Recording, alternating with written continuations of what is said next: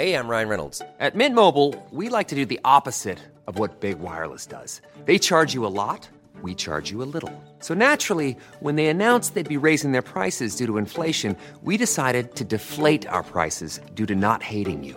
That's right. We're cutting the price of Mint Unlimited from $30 a month to just $15 a month. Give it a try at mintmobile.com slash switch. $45 upfront for three months plus taxes and fees. Promote for new customers for limited time. Unlimited more than 40 gigabytes per month. Slows. Full terms at mintmobile.com.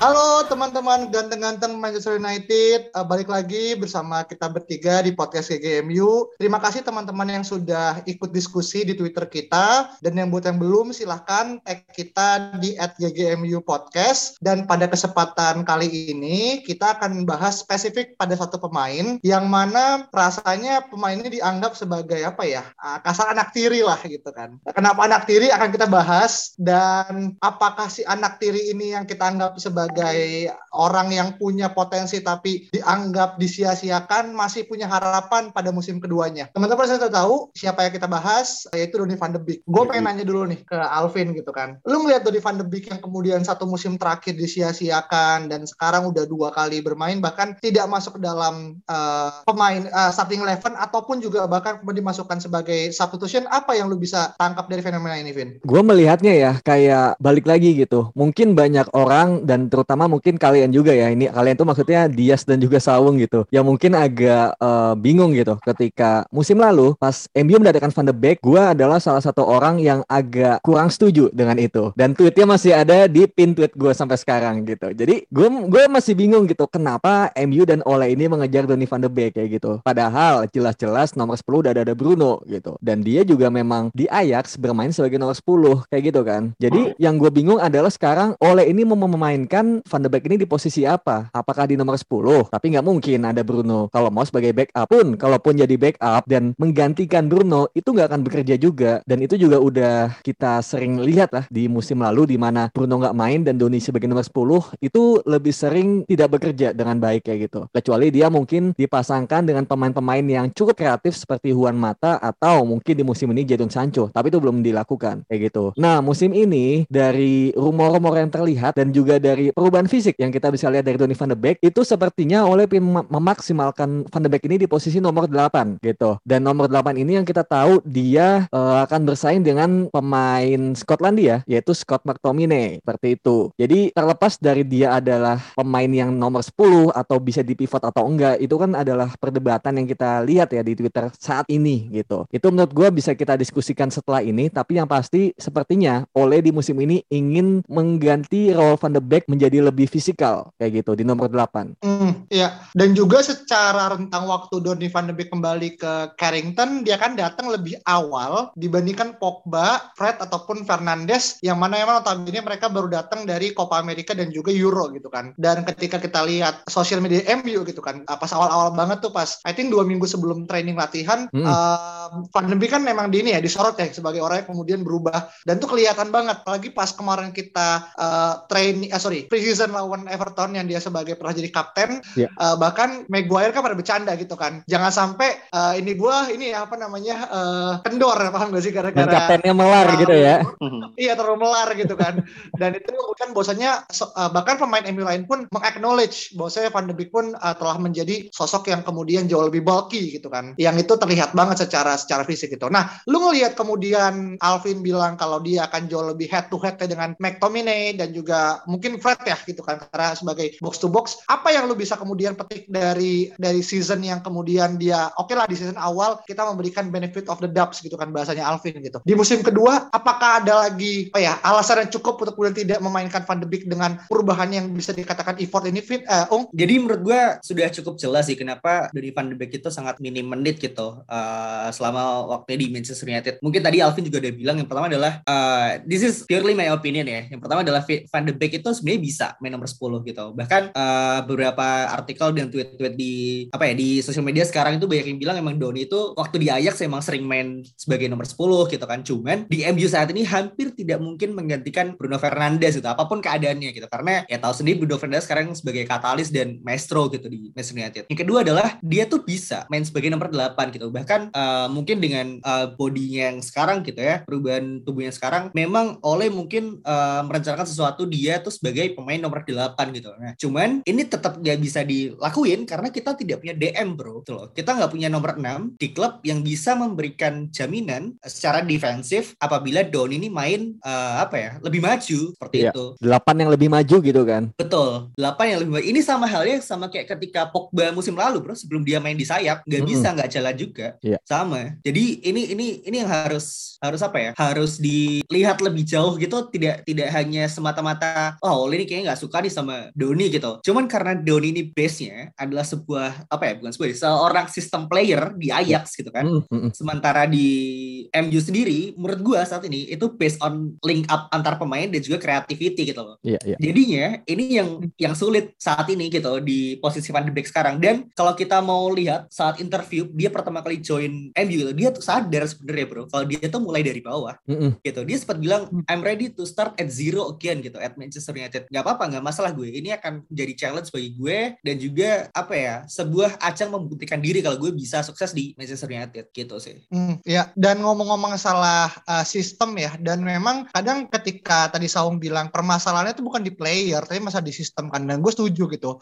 Kadang orang terlalu menyempitkan masalah tuh kayak iya simple Van de Beek ya nggak nggak pas dengan sistem MU atau kemudian Van de Beek terlalu apa terlalu apa gitu kan. Karena jujur gue pun pribadi masih memberikan apa ya harapan lah buat Van de Beek at least kalau dibandingkan dengan pemain-pemain semacam Anthony Martial gitu kan atau Jesse Lingard menurut gue kita harus menempatkan Van de Beek jauh lebih uh, penuh respect ketimbang mereka berdua. Karena dia nggak dapat banyak chance ketimbang uh, Martial gitu kan at least dengan dengan Martial gitu. Nah ngomong-ngomong masalah Ole gitu kan karena kan Ole kan yang akhirnya menjadi apa ya ya juru ini lah juru taktik ya gitu kan. Dan Ole uh, menurut gua kadang ya itu selalu bersikap manis terhadap Van de Beek depan depan kamera gitu kan. Dia bilang kalau Van de Beek has improved the condition dan juga segala macam segala macam nah lu ngelihat kemudian Ole yang kemudian secara konsisten mengatakan kalau Van de Beek adalah pemain yang seolah-olah dibutuhkan padahal di dua match pembuka dia nggak bahkan nggak main apa yang kemudian lu bisa kemudian simpulkan Vin dan apa apa yang kemudian perlu diimprove dari Van de Beek selain emang kita masih punya waktu bisa menentukan DM di di bursa transfer ini Vin menurut gue sih ada dua kemungkinan sih gitu. Yang pertama emang Ole ini ya memang punya rencana gitu terhadap Van de Beek cuma memang belum saatnya aja gitu. Saatnya kapan ya cuma Ole yang tahu gitu. Kayak misalnya gini, kita kita sometimes itu memberikan uh, dua job yang sulit kepada Ole kayak satu lu harus juara, kedua tapi lu harus mainin Van de Beek gitu. Sedangkan mungkin untuk juara lu nggak bisa mainin Van de Beek secara langsung gitu. Van de Beek masih belum bisa main di sistem yang sedang dimainkan gitu. Bukan berarti balik lagi yang dibilang Saung tadi bukan berarti Van de Beek ini pemain yang jelek dan gue juga nggak pernah bilang kayak gitu gitu tapi dengan sistem yang berbeda itu bakal ada penyesuaian-penyesuaian gitu yang mana mungkin di sistem MU yang sekarang pun pemain-pemainnya juga belum mumpuni untuk menjalankan sistem itu terutama untuk uh, eh, DM itu sendiri gitu. Jadi mungkin ya balik lagi gitu gue pun kita seba sebenarnya sebagai fans layar kaca gitu eh, nggak uh, bisa 100% ngejudge pemain atau oleh itu berdasarkan apa yang kita lihat gitu. Karena banyak hal-hal dapur yang kita tuh nggak tahu apa yang sebenarnya terjadi kayak gitu. Dan gue berpikir bahwa sepertinya memang um, kalau uh, kemungkinan satunya ya oleh memang punya rencana cuma memang belum bekerja aja gitu. Di tiga match ini kan balik lagi Martial masih dimainkan Sancho juga belum main dari awal Varane pun begitu Cavani juga belum gitu. Jadi masih banyak pemain-pemain yang sepertinya ya ini tuh belum bentuk yang terbaik untuk MU gitu. Makanya pemain seperti Van de Beek pun belum bisa dimasukkan ke dalam sistem gitu. Kayak gitu sih menurut gua. Dan hmm. kemungkinan keduanya adalah ya lip service aja gitu. Kayak ya lu manis-manis aja di depan media depan Van de Beek. Tapi sebenarnya lu bukan plan gitu. Kalau itu benar sih ya itu jahat sebenarnya gitu ya. Kayak ya lo jual aja sekalian kalau mau gitu. Iya gue gue yakin gue yakin sebenarnya Van de Beek ini masuk dalam plannya oleh sih cuman ya itu tadi kita nggak tahu kapan gitu Let's, uh, kita kan tahu sendiri maksudnya bagaimana kedekatan antara Solskjaer dan juga Van der Sar gitu kan uh, bagaimana elit-elit MU dekat juga dengan Van der Sar gitu dalam artian Van der Sar pun pasti sebelum oke okay nih uh, Van de Beek ke MU dia pasti ngobrol dulu dong nih anak akan main terus nggak gitu akan main apa ya ibaratnya jaminan posisinya tuh seperti apa gitu. Dan kalau misalnya apa elit MU tidak bisa memberikan hal itu, gue yakin dia juga pasti malas juga gitu loh ke MU. Iya, iya. Seperti itu. Dan uh, uh, apa ya? Menurut gue sih kita tahu sendiri Ole itu punya man management yang sangat-sangat baik menurut gue gitu. Mungkin dia belajar dari yang terbaik ya dari Sir Alex Ferguson gitu. Andai kata, Bro, Doni ini dipaksa untuk dimainkan gitu kan sebagai double pivot itu entah dengan Fred, entah dengan Matic gitu. Dengan kemampuan bukan kemampuan sih, sorry. Dengan sistem yang sekarang apa nggak dimakan ya Ji mentah-mentah sama media Inggris? Kalau kalah. Ya, kan? Maksudnya kalau kalah. Iya, kalau dia tidak bisa perform di posisi ya, itu ya. gitu loh. Iya, ya itu, itu yang tadi gue bilang gitu. Serba nah, salah iya, gitu. Lu harus juara, betul. lu harus menang, tapi nanti kalau Van de Beek udah dimainkan terus kalah ya lu salah juga gitu. Nah, makanya hmm. kita kita tidak tidak bilang dengan Van de Beek main kita akan selalu menang gitu kan. Cuman uh, kita bisa melihat lah apakah pemain ini perform atau enggak gitu. Paul Pogba yang lima tahun diam dia masih dimakan kan sama apa media Inggris apalagi Donny van Beek yang baru masuk tidak punya uh, apa ya ibaratnya pengalaman bermain di luar Ajax gitu. Jadi ini benar satu satu kesempatan dia untuk membuktikan diri dulu dan apabila Ole tidak bisa menciptakan environment yang pas untuk Doni ya akan jadi makanan sama media Inggris. Hmm, iya. gitu. Jadi ini nah, menurut gue ini ini sebagai bentuk sih perlindungan Ole kepada Doni sebetulnya. Perlindungan iya, iya. dengan tidak memainkannya gitu kali ya. bisa jadi, bisa jadi, bisa jadi. Iya, iya. Oke, nah tapi gini Vin dan juga Salme ini gue baca dari Metro.co.uk uh, jadi Ferdinand tuh beberapa hari yang lalu pernah ngebuat statement yeah. yang dia sampaikan secara langsung di salah satu kanal YouTube namanya Five. Dia bilang bahwasannya Donny van de Beek uh, he's going to get a chance under Ole Gunnar Solskjaer regime gitu kan. Dan dia mengatakannya dengan cara bahwasannya ya simple dengan kita berkaca pada uh, pengalaman di musim lalu, nggak ada hal yang kemudian secara signifikan akan berubah secara drastis di musim ini gitu kan. Itu at least dari apa yang kemudian kritisnya uh, Ferdinand kepada kepada Ole gitu. Eh sorry kepada Van de juga Ole gitu. Nah dengan kemudian berkaca pada apa yang kemudian Ferdinand sampaikan ada nggak sih hal yang kemudian lu rasa kenapa sudut pandang Ferdinand bisa berkata seperti itu? Apakah emang simple? Ferdinand lihat emang Ole tipikal pemain yang kemudian stuck dengan apa yang dia sebut dengan winning eleven? Atau kemudian simple kita butuh waktu lebih lama lagi untuk melihat Van de kemudian uh, apa ya bersinar? Sedangkan ada banyak rumor yang menyatakan bahwa saya musim mendekati akhir musim gitu kan. Kita punya kesempatan untuk offload the players gitu kan. Yang mana salah duanya adalah Jesse Lingard dan yang salah satunya adalah Donny van de Beek gitu kan. Di mana yang akhirnya gue baca juga Madrid sebenarnya masih menyimpan baris harap gitu kan untuk kemudian signing, resigning van de Beek setelah kemarin gagal uh, ditikung sama MU gitu kan yang tiba-tiba kemudian uh, ada aja tiba-tiba kan 34 juta pounds uh, berlabuh di Old Trafford. Apa yang lo bisa tangkap dari sinyal ini, Vin? Sebenarnya kita juga kemarin gue sempat baca juga ya ada sebuah tweet dari sebuah sumber gitu bahwa ini tuh sebenarnya kita nggak tahu Van de Beek ini adalah pembelian oleh atau bukan kayak gitu. Dan itu ketika uh, berita itu muncul gue jadi ingat gitu dengan apa yang pernah gue tulis gitu. Jadi kayak ya kalau oleh mau beli ya oleh harus bertanggung jawab gitu atas pembelian itu gitu. Kayak Van de Beek ini mau dimainkan di mana dan apakah plannya itu bakal sesuai dengan Van de Beek dan juga sebaliknya kayak gitu. Dan pada akhirnya itu pun menja masih menjadi misteri buat gue gitu. Dan buat fans MU lainnya gitu. Dan buat kalian juga gitu. Kayak ini tuh sebenarnya MU beli Van de Beek karena emang plannya oleh atau emang cuma kayak ya udah buat pemanis kayak waktu itu kan kita belum beli siapa pun ya gitu. Kita cukup lambat di dua musim lalu. Jadi kayak buat penenang fans aja kayak oke okay lah biar kita beli pemain at least dengan ya angka yang nggak terlalu mahal lah 30-40 juta. Nih kita punya pemain gelandang gitu yang ya mungkin kalau dilihat di atas kertas dia bisa di AM bisa di double pivot bisa di mana aja kayak gitu kan. Cuma kan balik lagi kalau kayak gitu kita nggak melihat secara uh, detail sistemnya kayak gitu. Nah hmm. dari situ balik lagi gitu. Kalau misalnya kita cuma berkaca dari apa yang dikatakan Rio Ferdinand itu ya semuanya based on ya asumsi dan juga bias juga gitu. Kita sama sekali nggak tahu tapi tapi gitu. Gue masih percaya bahwa sebenarnya dengan progres yang sudah dilakukan oleh Van de Beek dan juga dengan statement Van de Beek di awal ya yang mana dia ingin memulai dari nol itu menunjukkan bahwa sebenarnya kedua belah pihak ini memang sudah tahu plannya bakal seperti apa gitu. Dan mungkin kita nggak tahu aja kalau ternyata Van de Beek memang menerima situasi ini gitu loh. Menerima situasi di mana dia tidak dimainkan dia masih masih pada proses uh, penyesuaian dengan sistem dan juga penyesuaian fisiknya juga untuk pada akhirnya bisa bermain ke sistem MU yang mungkin lebih fisikal, bermain lebih cepat dan juga banyak aksi individu juga kayak gitu sih yang yang bisa gua tangkap. Hmm, ya. Oke, okay, dan terkait dengan sekarang kita masih sekitar lima hari sebelum bursa transfer resmi tutup, apakah ada kemungkinan uh, yang sifatnya kecil atau besar bahwa saya Van de Beek akan di offload nggak? Nggak mungkin sih menurut gue, gitu. Karena uh, fokus utama oleh sejak dia menjabat sebagai permanent manager ya adalah offload para deadwood deadwood ini bro, gitu. Jadi kita tuh masih banyak deadwood sebenarnya masih ada uh, Pereira kemarin oke okay lah cabut loan gitu kan. Lingard masih nggak tahu kapan kapan gitu. Jones baru ada rumor uh, akan di loan sama Fulham gitu. Cuman untuk kalau nggak salah ya, kalau nggak salah, gue sempat baca sign Van de Beek itu untuk squad depth sih sebenarnya bro. Iya iya. Gitu loh. Di interview oleh kan yang pertama kan. Betul, interview oleh yang pertama. Dan gue rasa ya dia tuh sebenarnya oleh tuh sebenarnya tidak ini, tidak tidak expect McFred itu akan berjalan dengan cukup baik sih menurut gue di musim pertamanya ya menuju musim kedua gitu loh. Karena uh, McFred ini kan eksperimen oleh gitu karena kita tidak punya single DM yang beneran bagus kan selain Matic gitu. Dan juga dengan ada Evan de Beek ini ya at least setidaknya kita punya pilihan dalam uh, menentukan permainan gitu. Nanti akan seperti apa. Nah kalau Van de Beek dijual ya we're, we're back at starting point gitu loh bro di midfield hmm. ini.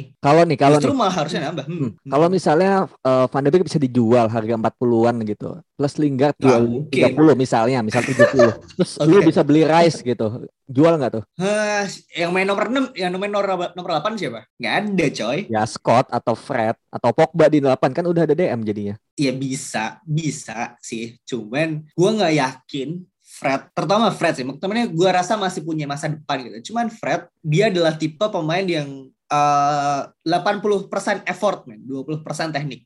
Menurut gue ya. Dalam artian dia hampir kayak Daniel James cuman di midfield gitu. Uh. He's he's running around everywhere gitu. He's everywhere, he's pressing everywhere gitu. Tapi nggak ada cuman ya kepalanya. Ya, untuk, ada ada. Kalau kalau kalau meminjam istilahnya coach ya itu uh, uh. banyak banyak otot dikit otak gitu. Uh, head, headless chicken ya? Iya. Yeah, enggak. enggak headless chicken juga gitu. Means dia punya skills cuman ya itu tadi gitu ibaratnya uh, McFred itu adalah apa ya mungkin otaknya malah si Scottnya ya kan? Uh, kakinya tuh si otaknya tuh nggak si Fred gitu menurut gue jadi dengan ada DM baru gue rasa gue yakin Van de Beek pasti akan lebih baik main. Hmm. gitu dan, makanya dari dan dari dulu kan fokusnya kita offload pemain yang nggak dipakai sih hmm. contohnya Lingard ini. Ya, ya oke. okay terkait dengan DM sebenarnya kita kan pernah ngeliat ya Van de Beek main uh, di uh, apa ya di dua midfield uh, pas lawan Everton kan sama Matic. Dan itu kan jadi salah satu hal yang kemudian seolah jadi aigazem banget buat fans MU ketika akhirnya apa yang dinantikan oh apa namanya Doni kemudian bermain dengan uh, dengan single DM yang kemudian bisa covering dia uh, di sektor belakang kemudian terpenuhi. Dan so far gue ngerasa nggak ada hal yang kemudian uh, apa ya uh, cacat yang kemudian gue temukan gitu kan. Terlepas yang mungkin just a pre-season dan nggak ada yang kemudian terlalu perlu dipusingkan tapi menurut gue itu sebuah progres yang kemudian gue pengen banget ketika kemarin kita lawan Soton oleh menggunakan hal yang sama gitu kan masalahnya adalah uh, dibandingkan Fred yang kemudian secara termin waktu datangnya lebih lama dibandingkan Van de Beek yang mana harusnya ketika pemain lebih datang lebih awal kan berarti dia lebih paham apa yang akan dilakukan di musim sekarang dan juga ketika McTominay kemudian tiba-tiba masuk menggantikan uh, gue, gue menggantikan siapa yang mana kondisinya kan dia cedera kan dia setengah cedera gitu kan tapi kemudian Van de Beek yang udah serta merta bugar tidak dimainkan apakah itu tidak jadi salah satu sign yang kemudian oleh tidak cukup kemudian melihat Van de Beek salah satu opsi yang paling baik di antara bench lainnya Vin? Oh, ini berarti refer ke last match ya, kali ya. Pertandingan kemarin ya. Iya iya. Oke, berarti gue tanya dulu. Berarti uh, lu sebenarnya expect uh, instead of Fred berarti lu lebih memilih kayak Matic dan juga Van de Beek ya, seperti lawan iya. Everton di preseason.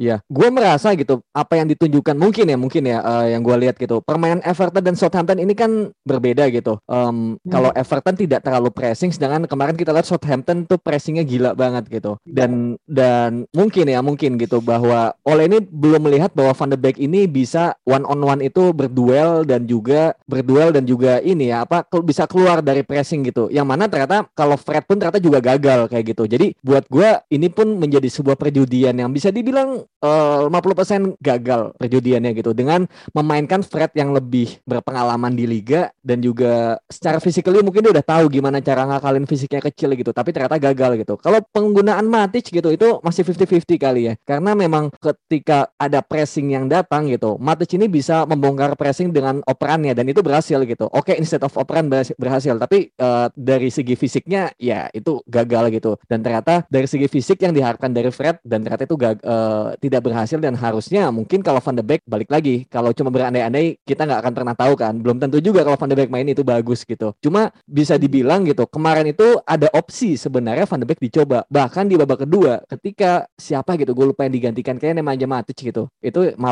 Lingard yang dimainkan bukan Van de Beek. Itu itu yang menurut gue di babak kedua itu yang seharusnya itu udah kayak oke okay, lu udah gak mainin Van de Beek, babak kedua bisa lu coba mainkan gitu. Karena dengan pressing yang tinggi seperti itu, itu bakal ada celah-celah yang bisa dimanfaatkan dan juga itu Van de Beek itu kan bagus di situ, memanfaatkan memanfaatkan celah yang ada aerial eh special awareness itu kan bagusnya Van de Beek di situ. Mm -hmm. Ya, ya. Dan kalau kita berkaca pada uh, pertandingan yang paling dekat adalah lawan Wolves di di away ya, uh, yang mana kita berkaca pada musim lalu kan sebenarnya Van de Beek uh, cukup, main cukup bagus lah pas lawan Wolves kan ketika saat itu dia dipasangin sama Matic gitu kan. Uh, dan kalau kita berkaca kenapa Anthony Martial kemarin dimainkan kan salah satunya adalah karena Martial dirasa cukup bisa memberikan bukti kalau dia itu pernah melakukan apa ya uh, pertandingan yang yang sangat wah lah gitu. Apalagi saat itu dia pernah ngelakuin trik buat uh, Virgil van Dijk yeah. kan. Makanya kemudian mungkin oleh kemudian refer ke sana. Nah berkaca pada pada hal yang seperti itu gitu kan. Besok minggu kita ketemu Wolves. Uh, apakah lu ngelihat bahwasanya oleh akan mencoba recalling kena kenangan uh, baik itu dan memainkan Doni atau it, it will be different karena ya Doni is not Martial gitu. Ini untuk untuk pasangan midfield lawan Wolf minggu ya hari Minggu ya. Yeah. Hmm. Gua rasa yeah. sih masih pakai McFred dan juga Bruno sih di tengah kita gitu loh. Simply karena uh, Wolf ini punya midfield yang cukup kuat gitu di Moutinho, Neves dan juga Dendonker. Dalam artian akan sangat-sangat gambling memainkan Doni gitu. Sementara kita tidak punya sekali lagi nomor number six yang bisa bisa cover dia ketika dia maju ke depan gitu. Kalau main pakai Matic lagi gitu kan, I think it's suicidal sih man. Lawan Wolf gitu. Kayak apa ya ibaratnya ya kita tidak punya pilihan lain sekarang gitu. Sometimes I think kayaknya Oleh pernah bilang deh, sometimes you have to accept gitu that you're gonna be on the bench gitu untuk untuk untuk squad yang gede kayak sekarang gitu. Cuman memang ada poin-poin yang cukup tidak bisa dipikirkan dengan baik ya. Contohnya waktu last match ketika Lingard masuk instead of Donny van de Beek gitu. Itu yang itu yang mungkin dari fans itu masih menjadi pertanyaan. Gue sempat tidak percaya apa yang gue lihat sih saat itu. Jadi ya kayak kok anjing banget ya? Kok ada Lingard ya? Kayak, kayak ngapain gitu loh? Maksudnya untuk menaikkan harga gitu. Cuman kan gue rasa board MU itu harus accept kalau mereka tuh payah jual pemain sih. Jadi kayak seberapapun mereka ditawar untuk pemainnya lepas aja sih menurut gue gitu hmm. loh mainkan yang bener-bener low fokus untuk musim depan gitu untuk musim ini. Apa apa yang ingin lo build gitu kan selama musim ini ya itu yang lo mainin gitu kayak lo nggak perlu apa ya mainin pemain-pemain yang perlu lo jual kayak semacam lingkar kemarin gitu. Untuk apa? Hmm, ya hmm. itu sih. Hmm, dan uh, menurut gue sepertinya ya de, uh, percobaan menggunakan Van de Beek di samping Matic atau Fred atau McTominay ya sebagai double pivot itu sepertinya akan terjadi di Carabao Cup di Carabao Cup sepertinya menurut gue ya gitu. Karena um, ya sepertinya liga ini memang terlalu krusial untuk MU dan gue rasa Oleh tidak akan berjudi untuk pertandingan-pertandingan di liga gitu. Kecuali memang lawannya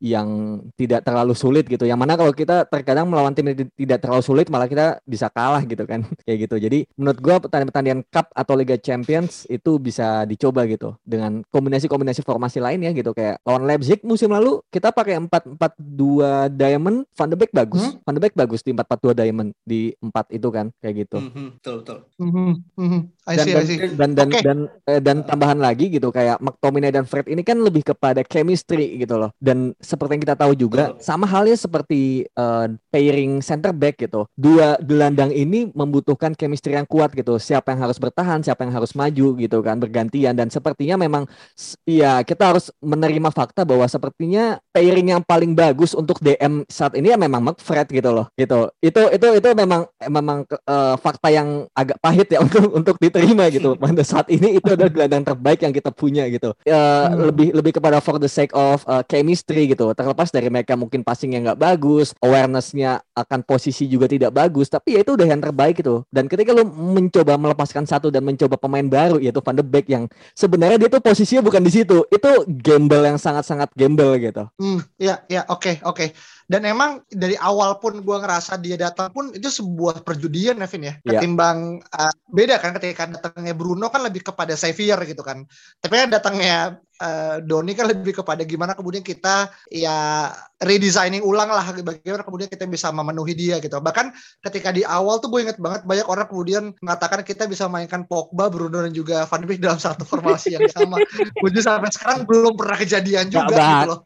Gak bakal, lu gila itu gitu. ya, ya at least sebelum misalkan pun ya ini terburuknya dia pindah, gue tuh pengen banget lihat kayak Doni, uh, siapa Pogba juga Bruno main bareng, tapi kayaknya oleh tidak akan membiarkan fantasi liar para fans MU kemudian uh, terbukti itu kan. Menurut gue narasi yang benar adalah bukan MU yang beradaptasi terhadap Van de Beek gitu, tapi sebaliknya Van de Beek yang harus beradaptasi betul. dengan sistem MU kayak gitu. Betul bro, hmm. betul, betul, betul banget. Makanya kita sering banget lihat pemain ya itu one to one to gitu kan, chemistry dan link upnya itu loh, men, yang yang dicari gitu. Sementara Van de Beek tuh masih, gue rasa sih masih perlu waktu dan environment untuk menciptakan itu gitu. Iya iya. Dan dan sebenarnya kalau kalian pernah uh, lihat ya kemarin ada video tentang Sancho ya yang mana dia mencoba link up dengan Show atau dengan Lingard tapi nggak ada yang lari gitu. Kalau kalian udah lihat ya videonya di Twitter. Udah udah udah. Oh. Ya udah lihat kan. Sebenarnya di situ menunjukkan bahwa itu tuh Van de Beek yang cocok untuk itu karena dia punya special awareness yang bagus kayak gitu. Betul. That's why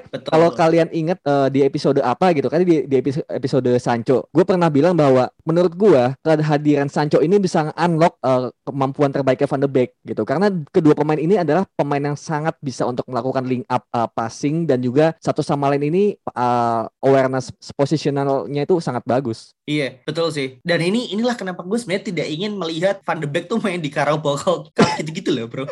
Kayak lo mau main sama siapa anjir? Mau main sama Juan Mata gitu. Malah Juan Mata sama Donny van de Beek bagus loh, sempat iya. bagus kan kalau salah.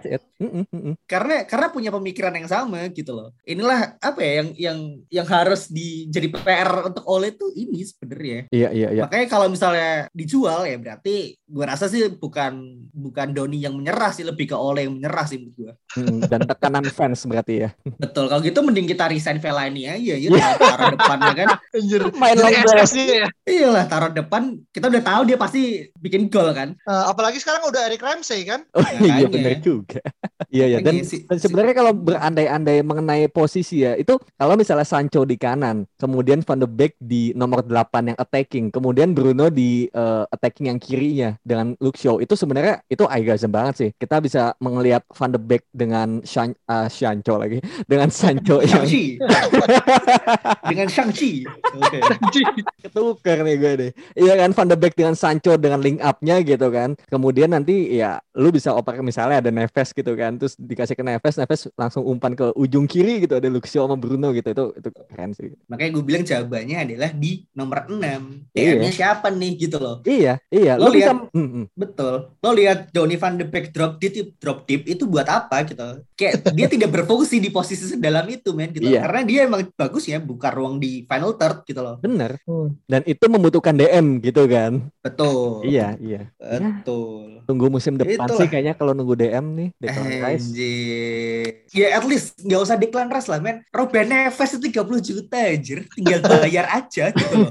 nah, itu still deal bro. Iya. Cuma cuma gini, cuma gini uh, kalau masalah masalah Ruben Neves ya, gue tadi sempat nge-tweet juga pakai akun, akun GGMU. Kita kan tahu bahwa Ole ini sangat menginginkan target nomor satunya, ya kan? Yang kita juga ya. tahu bahwa target nomor satu DM-nya ini adalah Declan Rice kayak gitu. Dan Ole ini kalau misalnya kesempatan untuk dapat target nomor satu ini emang sangat besar dan hanya menunggu waktu, dia nggak ingin turun ke priority dua atau bahkan ketiga gitu. Sama halnya seperti Sancho gitu kan. Nah, untuk Rice ini kan sebenarnya lebih kepada masalah waktu ya, yang mana musim depan. Dan kalau misalnya musim ini akhirnya Ole menyerah dan mengambil Neves, menurut gua kemungkinan untuk dapetin Rice musim depan ya ya sangat kecil gitu karena lu udah punya Neves gitu. Dan perkara kenapa Ole itu lebih suka Rice daripada Neves, menurut gue itu udah kepada preferensi gaya main Ole yang mana itu kita udah di luar kuasa kita ya untuk mengatur Ole sih. Menurut gue kayak gitu sih. Iya, yeah, yeah, betul juga sih. Cuman gue melihat apa ya musim depan ini dan juga depannya lagi kita akan ke kehilangan dua orang gitu di midfield gitu, which is Siapa tuh? Matic. Matic menurut gue dia akan cabut atau Fred atau mungkin Pogba gitu loh. Hmm. Jadinya kalau misalkan lo punya kesempatan untuk beli Ruben Neves sekarang, ya justru lebih bagus gitu untuk untuk squad depth musim depannya Ya gitu dari sih, sisi kita sih memang begitu sih ya dari sisi kita penonton ya enak yeah, ya gitu. Ya, kecuali memang musim depan lo mau jor-joran beli Erling Haaland sih oke oke aja sih gitu. Cuman gimana ya gue ya bener sih goal tuh sebenarnya tidak untuk untuk MU sendiri tuh tidak tidak jadi masalah gitu karena uh, musim lalu pun kita juga kalau nggak salah tim dengan gol terbanyak kan di lima liga gitu. Iya.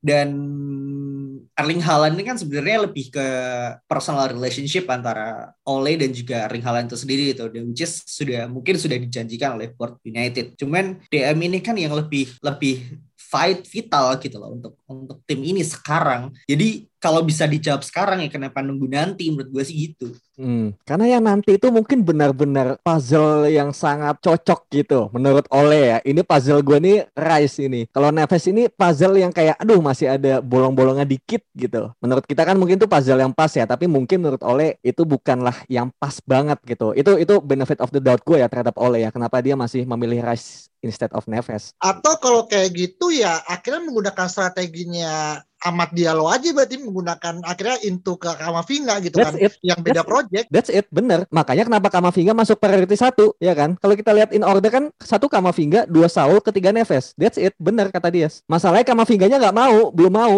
kayak gitu aja. Dan yeah. balik lagi, ini mungkin uh, terakhir ya kayak masih ada sisa waktu uh, lima hari ke depan, everything can be happen gitu kan? Karena biasanya MU kan biasa menggunakan apa ya uh, for the five five days itu mungkin sebagai ajang untuk kemudian exploring ada potensial gitu kan. Siapa tahu ada swap deal siapa tahu kemudian ada ada pergantian yang mungkin harapannya gue masih bisa berharap gue masih bisa berharap ya at least musim kedua bisa jadi motif pembuktian gitu kan. Dan let's see apa yang belum terjadi gitu kan. Dan harapannya Van Dijk bisa menjadi yeah. salah satu integrated plan juga kan buat uh, eh, MU gitu. Yeah, itu yeah. aja mungkin dari uh, dari kita bertiga. Uh, kalau teman-teman punya pendapat lain tentang Van de Beek dan mungkin ada opini yang belum disampaikan dari kita teman-teman kemudian ingin mencoba Bambang menyampaikan, silakan tag kita aja di Twitter, nggak bosan-bosan di @ggmu podcast dan di sana kita bisa diskusi santai dan semoga teman-teman kemudian uh, mendapatkan apa yang akhirnya insight kita bertiga tahun dari pandemik dan sampai jumpa pada pertemuan berikutnya. Dadah.